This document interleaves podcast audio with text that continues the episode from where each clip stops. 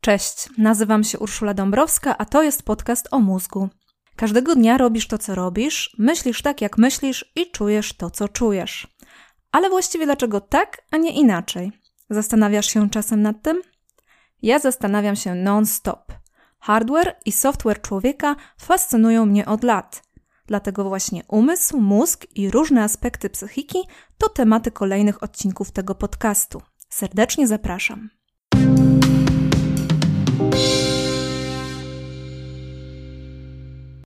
Chciałabym Cię poprosić o zalajkowanie lub obserwowanie strony Podcast o mózgu na Facebooku. Możesz też dołączyć do newslettera na stronie www.urszuladabrowska.pl. Ale co najważniejsze, podziel się tym odcinkiem ze znajomym lub znajomą, jeśli tylko uznasz, że dzisiejszy temat jest ciekawy lub pożyteczny. Liczę, że temat zachwytu zachwyci Cię tak samo, jak zachwycił mnie i zechcesz przekazać to uczucie dalej. Dzisiejszy odcinek dedykuję wszystkim osobom, które są właśnie zdemotywowane, szukają inspiracji, mobilizacji albo natchnienia. Znam ten stan z autopsji, nic fajnego. Od razu mam świetną wiadomość. Jest na to lekarstwo i to takie, które wymyśliła matka natura, a nie Big Pharma. To właśnie tytułowy zachwyt. Zachwyt to niezwykła emocja, którą chyba każdy lubi i docenia, gdy się trafi. Ale nie każdy wie, że zachwyt ma bardzo konkretną rolę do odegrania w życiu człowieka. I tą rolą jest zmiana naszego myślenia. W domyśle zmiana na lepsze. Zachwyt to świetna sprawa, szczególnie gdy utkniesz, gdy brakuje ci wiatru w żaglach, ale nie ze zmęczenia czy przepracowania, raczej tak z braku celu, sensu albo motywacji. W takich chwilach zachwyt potrafi zresetować ci dysk i odpalić nowe programy działania. Brzmi zbyt pięknie, tak trochę na wyrost? Okej, okay, rozumiem, dlatego przez najbliższe kilkanaście minut postaram się przekonać Cię do zachwytu, a będzie mi o tyle łatwo, że nauka już nieźle zabrała się do tego tematu. I zachwyt, choć nadal zachwyca, to przestał być już taki nieodgadniony. Opowiem Ci dziś, jak działa, po co właściwie natura wbudowała nam możliwość doświadczania zachwytu i na koniec spróbuję Ci sprzedać kilka sposobów, jak sprawić, by zachwyt działał na Twoją korzyść. Ok, na początku przyznam Ci się, że jestem mocno podekscytowana tym tematem. Już tłumaczę dlaczego. Musisz wiedzieć, że mam trzy ulubione wątki związane z mózgiem i jeśli śledzisz ten podcast od jakiegoś czasu, to pewnie już domyślasz się jakie. Po pierwsze, fascynują mnie emocje. To, jak są mądre, jak dają nam błyskawiczne zrozumienie świata, pozwalają reagować i lepiej działać. Drugi mój ulubiony obszar to w skrócie neurokognitywistyka. Uwielbiam odkrywać to, jak mózg myśli, uczy się, gromadzi wiedzę, jak działa wyobraźnia, kreatywność i pamięć. No mega to jest nie ma co. I trzeci mój ulubiony temat to mózg społeczny, czyli wszystkie kwestie związane z tym, że człowiek nie jest samotną wyspą, przeciwnie, nasz mózg jest ekstremalnie towarzyski. Mówię o tym wszystkim, bo zachwyt to jest jakieś takie magiczne uczucie w oprogramowaniu człowieka, które łączy te trzy obszary. Zachwyt to nie jest chleb powszedni, nie jest tak oczywisty jak złość, strach, smutek czy radość. Nie pojawia się zbyt często, bo to Lamborghini wśród innych emocji. Czyli pierwsza sprawa, najprostsza, zachwyt to emocja. Po drugie, jest to uczucie, które natura dała nam po to, by wpływać na nasze myślenie i uczenie się, czyli zachwyt to emocja silnie związana z przyswajaniem wiedzy i umiejętności. A na koniec trzecia sprawa. Zachwyt wpływa na nasze porozumienie i więź z innymi ludźmi, czyli jak dla mnie totalne kombo, trzy w jednym. O tym, jak to się dzieje dokładnie, opowiem za chwilę. Na razie chcę podkreślić tę niezwykłą cechę zachwytu. Jest on emocją, a jednocześnie wpływa na zdolności kognitywne, a do tego jeszcze pomaga w kontaktach międzyludzkich. Niesamowity pakiet. Czy jest tam jakiś haczyk? Myślę, że wszyscy od razu wiemy jaki. O zachwyt po prostu trudno, szczególnie gdy nasze dni toczą się utartymi schematami, zmagamy się z prozą życia i czujemy, że utknęliśmy w jakimś banale. W każdym razie dziś robimy pierwszy krok, by to zmienić. Zaczniemy od zachwytu nad zachwytem, a potem spróbujemy zrobić dla niego więcej miejsca w naszym życiu. Zacznijmy więc od podstaw. Co to za zwierz ten zachwyt? O czym ja właściwie już od kilku minut nawijam. Każdy raczej wie, gdy coś go zachwyci. Nie może to być po prostu rzecz ładna czy ciekawa, to za mało. Zachwyt to coś więcej. Mieszanka zaskoczenia, fascynacji, niezrozumienia i podziwu. Wszystko naraz i najlepiej w dużej dawce. Zachwyt to zdecydowanie pozytywne uczucie, ale naukowcy zwracają uwagę na jeden istotny jego nieoczywisty aspekt. Zauważ, że zachwyt pojawia się, gdy czegoś nie ogarniamy, gdy jesteśmy za krótcy ze swoimi małymi rozumkami. Spróbuję to teraz rozwinąć. Zachwyt to sygnał od mózgu dla mózgu, czyli dla ciebie, który można podsumować jednym zdaniem. Hej, misiu pluszowy, tu dzieje się coś niesamowitego, weź się skup i to obczaj. Dlatego zachwycamy się najczęściej, gdy robimy coś po raz pierwszy, albo gdy coś jest wielkie, skomplikowane, przepasne, a przy tym nieskończenie piękne. Gdy coś sprawia, że czujemy się mali, bezbronni, głupiutcy, ale to coś jednocześnie nam nie zagraża. Nie czujemy lęku, raczej respekt. Pojawia się zachwyt i takie wewnętrzne przyciąganie, które zachęca nas do bliższego poznania tego, co nas zachwyca. Czas na konkretne przykłady. Uwaga, wymienia. Na przykład, wchodzisz do wielkiej gotyckiej katedry. Albo wjeżdżasz na dach Empire State Building i widzisz cały Manhattan jak na dłoni. Albo siedzisz nad morzem i obserwujesz spektakularny zachód słońca. Może sadzisz w ogródku cebulki tulipanów, a na wiosnę obserwujesz jak rosną i pokazują siłę natury. Uczysz się surfingu i pierwszy raz udaje ci się złapać idealną falę. Albo pierwszy raz wchodzisz na przełęcz szpiglasową ze spektakularnym widokiem na Dolinę Pięciu Stawów. Może słuchasz albumu The Wall zespołu Pink Floyd i nie wierzysz, że jeden band potrafi stworzyć taki artystyczny majstersztyk. A może kupujesz swój pierwszy cyfrowy aparat i docierają do ciebie możliwości tego sprzętu. Albo czytasz powieść autora, który jak nikt, kogo wcześniej czytałeś, czytałaś, opowiada o złożonej kondycji człowieka. No a może dowiadujesz się, że ponad 60% energii we wszechświecie to ciemna energia. Jak widzisz, zachwyt pojawia się u różnych osób w różnych sytuacjach, ale wspólny mianownik chyba jest już w miarę jasny. Coś jest wspaniałe, lecz tego do końca nie rozumiesz, nie ogarniasz i przez to jest jeszcze bardziej wspaniałe. Najbardziej niesamowite w zachwycie jest to, że motywuje nas do myślenia, nakręca na poznawanie i uczenie się, otwiera na nowe możliwości. To mega stymulant dla mózgu, zdrowy, bez recepty i bez skutków ubocznych. Naukowcy podkreślają, że właśnie to najbardziej niezwykła cecha zachwytu, że jest emocją ściśle związaną z procesami poznawczymi.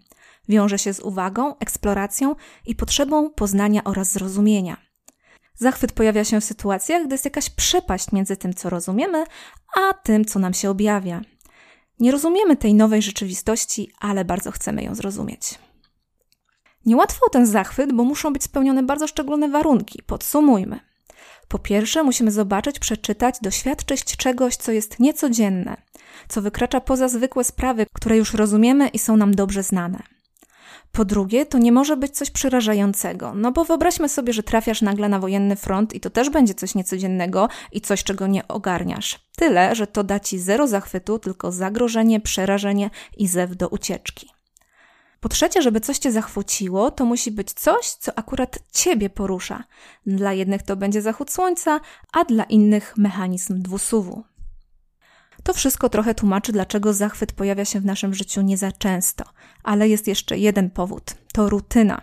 Większość rzeczy, które spotykamy codziennie, są powtarzalne, znane i zrozumiałe. A jeśli są niezrozumiałe, to w taki sposób, że to nas osobiście ani ziębi, ani grzeje. Bo ja na przykład nie rozumiem, jak działa termostat, ale mnie elektryka czy tam elektronika w ogóle nie zachwyca, więc nie mam najmniejszego impulsu, żeby ją zrozumieć. A wiesz, kto się zachwyca średnio raz na godzinę? Dzieci. I to też łatwo zrozumieć. Przepaść między tym, co dziecko rozumie ze świata, a tym, co ono mu każdego dnia pokazuje, jest ogromna, więc i o zachwyt łatwo. Na szczęście świat tak naprawdę jest wielki i złożony, a kosmos wręcz nieskończony. Powodów do zachwytu jest mnóstwo, szczególnie gdy już wiesz, o co z tym zachwytem naprawdę chodzi. Podeprę się w tym miejscu cytatem z Immanuela Kanta. Pewnie go znasz, więc przypomnę. Dwie rzeczy napełniają umysł coraz to nowym i wzmagającym się podziwem i czcią, im częściej i trwalej się nad nimi zastanawiamy. Niebo gwiaździste nade mną i prawo moralne we mnie. No i coś w tym jest. Rozgwieżdżone bezkresne niebo w bezchmurną noc to niezawodny sposób, żeby wywołać w człowieku zachwyt. Ale Kant mówi też o głębi, jaką można zobaczyć w tym, jaki jest człowiek. I ja go w tym też bardzo rozumiem, bo mnie od wielu lat zachwyca ludzkie oprogramowanie. Stąd przecież ten podcast i inne rzeczy, które robię zawodowo. Wróćmy jednak na Ziemię. Wiemy już, kiedy zachwyt się pojawia. To teraz popatrzmy, jak on właściwie działa. Gdy mówię o emocjach, staram się zawsze podkreślić, że one nam do czegoś konkretnego służą. Nigdy nie są bez sensu. Dokładnie to tłumaczę w odcinku Trzy języki emocji. Na przykład strach ostrzega nas przed niebezpieczeństwem, złość daje energię do zmierzenia się z przeciwnością, radość utwierdza nas w tym, co robimy. Natomiast obrzydzenie chroni nas przed zjedzeniem czegoś zepsutego. Generalnie nasz mózg stara się podnieść prawdopodobieństwo tego, że dożyjemy do następnego dnia. A jeśli dobrze pójdzie, przekażemy nasze geny dalej.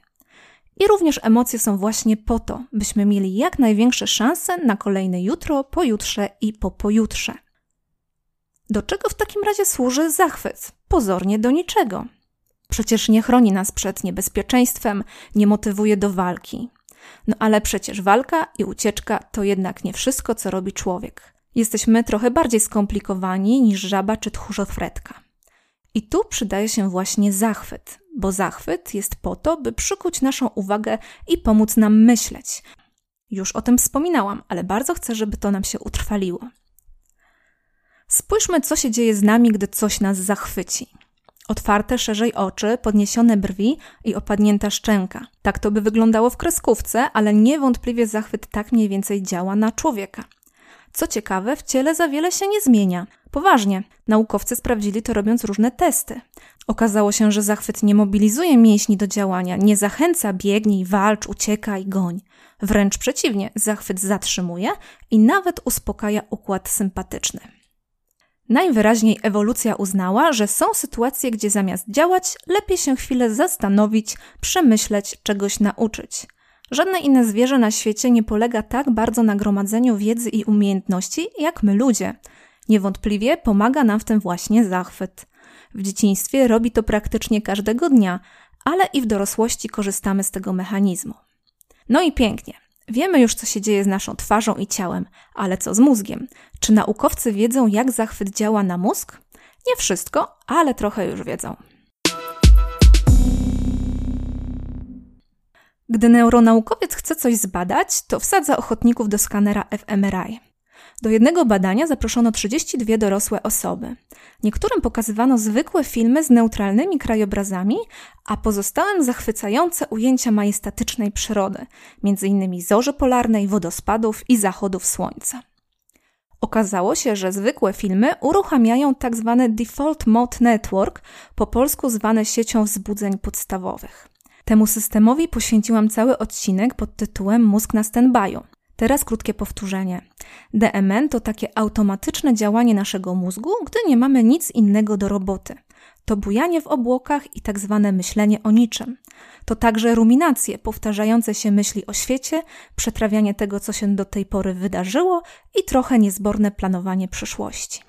DMN sam w sobie to dobry wynalazek, ale ma nieznośną tendencję do myśli przygnębiających i stresujących. Dlatego przywołany eksperyment to świetna wiadomość, bo u osób, którym pokazywano filmy budzące zachwyt, DMN słodko spało. Innymi słowy, zachwycające krajobrazy wyłączają DMN, czyli zachwyt wycisza ruminację, czarnowictwo i męczące rozpamiętywanie. To już zysk sam w sobie. Na podstawie powyższego eksperymentu naukowcy wyciągnęli kilka wniosków. Ogólny wniosek jest taki: zachwyt jest po to, by wyciągnąć nas ze skupienia na sobie. Po zachwyt kieruje naszą uwagę i zainteresowanie na zewnątrz i ma to kilka bardzo pozytywnych skutków ubocznych. Po pierwsze, łagodzi stres. Po drugie, nabieramy dystansu do codzienności, czyli do swoich problemów, kłopocików i trosk. Po trzecie, łatwiej jest nam dogadywać się z innymi. Gdy regularnie doświadczamy zachwytu, łagodniej podchodzimy do drugiego człowieka. Podziwiamy jakiś aspekt świata i nie zawracamy już sobie głowy wadami bliźnich. A to już świetny punkt wyjścia, żeby nam się dobrze żyło z innymi ludźmi, a im z nami. To jeszcze nie koniec badań nad zachwytem, są bowiem naukowcy, których najbardziej fascynuje to, że zachwyt przestawia nasz mózg na poznawanie i uczenie się. Mówiłam o tym wcześniej, ale teraz chcę opowiedzieć, jak to się dzieje w praktyce. Otóż zachwyt, jeśli jest wystarczająco silny, zeruje nasze filtry poznawcze. Ewolucja wmontowała w nas taki efekt, żebyśmy próbowali zmierzyć się z nieznanym. Musimy czasem odrzucić wszystko, co wiemy, co jest bezpieczne, co działało do tej pory, żeby nauczyć się czegoś nowego. W normalnych warunkach nikt przy zdrowych zmysłach nie jest na to gotowy. Po co odrzucać stare, skoro działa? I w takich chwilach pojawia się zachwyt cały na biało i mówi: Spoko, spoko, stare jest fajne, ale popatrz na to niebo, na ten krajobraz, na to naukowe odkrycie, na ten nieznany aspekt rzeczywistości. Tu mogą się kryć prawdziwe skarby. Zbadaj, zeksploruj, poznaj i zrozum. I żeby tak się stało, zachwyt zawiesza na chwilę sprawdzone schematy myślenia i działania. Otwiera na nowe, przełącza mózg w tryb przyjmowania nowej, złożonej wiedzy czy doświadczeń. Sprawia, że jesteśmy w stanie spojrzeć na świat świeżym okiem, a to się bardzo przydaje za każdym razem, kiedy utykamy w rutynach czy stagnacji. Naukowcy uważają wręcz, że nie byłoby cywilizacji i nauki, gdyby nie zachwyt. Wydaje się, że właśnie to uczucie napędzało i napędza rozwój. Zachwyt to paliwo, które motywuje naukowców do szukania odpowiedzi. Jasna ciekawość to dobry punkt wyjścia, ale żeby poświęcić całe swoje życie jakiejś dziedzinie, potrzeba czegoś więcej. Potrzeba zachwytu. Nieskończony kosmos, maleńkie, ale niezwykle skomplikowane komórki ciała, pozornie magiczne przyciąganie ziemskie, elektryczność czy przemiany chemiczne. Takie zjawiska i obiekty zachwycały niektórych i sprawiały, że dążyli do ich zrozumienia. Dzięki temu dziś mamy to, co mamy: współczesną medycynę, loty w kosmos i smartfony. Droga była długa, ale wszystko zaczęło się od zachwytu. No dobrze, ale powstaje jedno istotne pytanie. Czy te benefity zachwytu utrzymują się dłużej, czy działają jak każda emocja przez chwilę, wtedy, gdy działa wywołujący je bodziec? Mówiąc bardziej życiowo, czy jeśli w weekend podziwiam tatrzańskie widoki, to czy w poniedziałek, wtorek i środę mój mózg będzie bardziej chłonny wiedzy i zmotywowany do kreatywnego działania? No i niestety muszę szczerze odpowiedzieć, że na takie pytanie nauka jeszcze nie dała wiążącej odpowiedzi. Twardych dowodów brak, ale poszlaki już są. Jedną z takich poszlak jest dość świeży eksperyment z 2020 roku. Chciano sprawdzić, czy zachwyt może zapobiegać depresji osób starszych. Do badania zaproszono 60 ochotników i ochotniczek. Proszono ich o spacerowanie przez 15 minut raz w tygodniu przez 8 tygodni. Na każdym spacerze osoby te miały robić sobie trzy selfie na początku, w trakcie i po spacerze. Dodatkowo naukowcy sprawdzali ich samopoczucie i zadowolenie z życia. Te pomiary zbierano między spacerami. Na początku eksperymentu te 60 osób podzielono na dwie grupy. Jedna z nich spacerowała bez żadnej dodatkowej instrukcji, to była grupa kontrolna. Natomiast pozostali zostali poproszeni o to, by szukali w czasie spaceru powodu do zachwytu. Mieli je znajdować w przyrodzie, innych ludziach, spotykanych zwierzętach, a nawet billboardach, budynkach czy wystawach sklepowych. Chodziło o rzeczy, które przykuwają uwagę i budzą jak najsilniejsze pozytywne uczucia. Prosta sprawa, prawda? Wydaje się, że wręcz trywialna, ale okazuje się, że robi różnicę. Osoby nastawione na zachwyt stawały się z każdym spacerem spokojniejsze, bardziej zrelaksowane, mniej podatne na depresję i bardziej zadowolone z życia. Całkiem niezły zysk, nie uważasz? No i jeszcze przeanalizowano te selfie, które robili ochotnicy.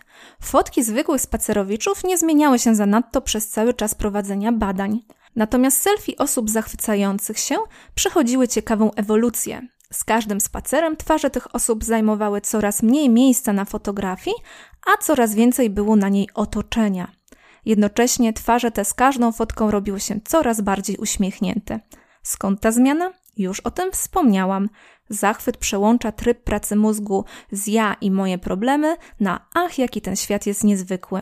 Jak dla mnie to całkiem dobra zamiana. Na koniec trzy słowa, jak sprawić, żeby zachwyt gościł częściej w Twoim życiu i moim. Jak już wiesz, pierwszy krok to intencja. Jeśli 15 minut spaceru raz w tygodniu może zmienić samopoczucie, to pomyśl, co zrobi z Twoją głową jakieś bardziej intensywne doświadczenie. Więc szukaj do tego okazji. No i teraz dobra wiadomość. Ludzkość od dawna wymyśla różne sposoby, by się zachwycać. Jest z czego wybierać. Jeśli szukasz prostego klucza, to moja odpowiedź jest krótka i składa się z dwóch słów. Te słowa to natura i kultura. Po pierwsze, przyroda. bo przyroda ma tyle odsłon, że życia nie starczy, żeby się nimi wszystkimi na zachwycać. Morze, góry i Mazury to dopiero początek. Dodaj skały, jaskinie, nurkowanie, pola słoneczników, rzosowiska, rozlewiska biebrzy, ptaki, kwiaty, konie, ślimaki i nie wiem co jeszcze. A to wszystko tylko w Polsce. Nawet jeszcze nie wspomniałam o pustyniach, kanionach, Himalajach, tropikach, tundrach i zorzach polarnych. I druga dobra wiadomość jest taka, że na niektórych podziała nawet film przyrodniczy, nie muszą się ruszać z własnego fotela, a i tak błękitna planeta da im powód do zachwytu. To tyle jeśli chodzi o naturę. Już dużo, a przecież jest jeszcze kultura, czyli wszystko to, co człowiek fajnego wytworzył i ciągle wytwarza. Muzyka, teatr, taniec, malarstwo, architektura, religie, a nawet motoryzacja, design, technologie czy rzemiosło. Wszystko się nada, jeśli tylko sprawia, że zapiera ci dech w piersi. Różnimy się gustem i wrażliwością, ale każdy znajdzie w tych dwóch obszarach coś dla siebie. Zachwyt niejedno ma źródło i różnym ludziom szczęka opada w różnych sytuacjach. Najważniejsze jest jedno: szukaj rzeczy, przy których mówisz sobie ach. No i teraz prywata, czyli jak z tym zachwytem jest u mnie. Otóż mogę się pochwalić, że a i owszem, doświadczam, choć nigdy tak często, jakbym chciała. Ostatnio, po raz drugi w życiu, stanęłam twarzą w twarz z oceanem i po raz drugi o nie miałam. Huk fal, bezkres i potęga. Powiem ci, że miałam nawet ciarki na plecach. Przez chwilę, bo potem był już grany ręcznik, krem z filtrem, smażing i plażing. Też fajnie, no ale nie tak fajnie jak ten wcześniejszy zachwyt. Polecam. Podsumujmy. Znajdź swój sposób na zachwyt, bo to ma same plusy. Po pierwsze, będzie ci miło, a to już coś. Po drugie, twój mózg będzie bardziej chłonny na wiedzę, bardziej kreatywny, elastyczny w myśleniu, otwarty na zmiany i informacje. A po trzecie, będzie ci łatwiej ze sobą i z innymi. Twoje przyziemne troski staną się mniej absorbujące, sprawy materialne mniej istotne, a męczący głos wewnętrznego krytyka cichszy i mniej natarczywy. No i kontakty z innymi będą szły gładko jak po maśle. Tylko żyć, nie umierać. Czego na koniec życzę Tobie i sobie.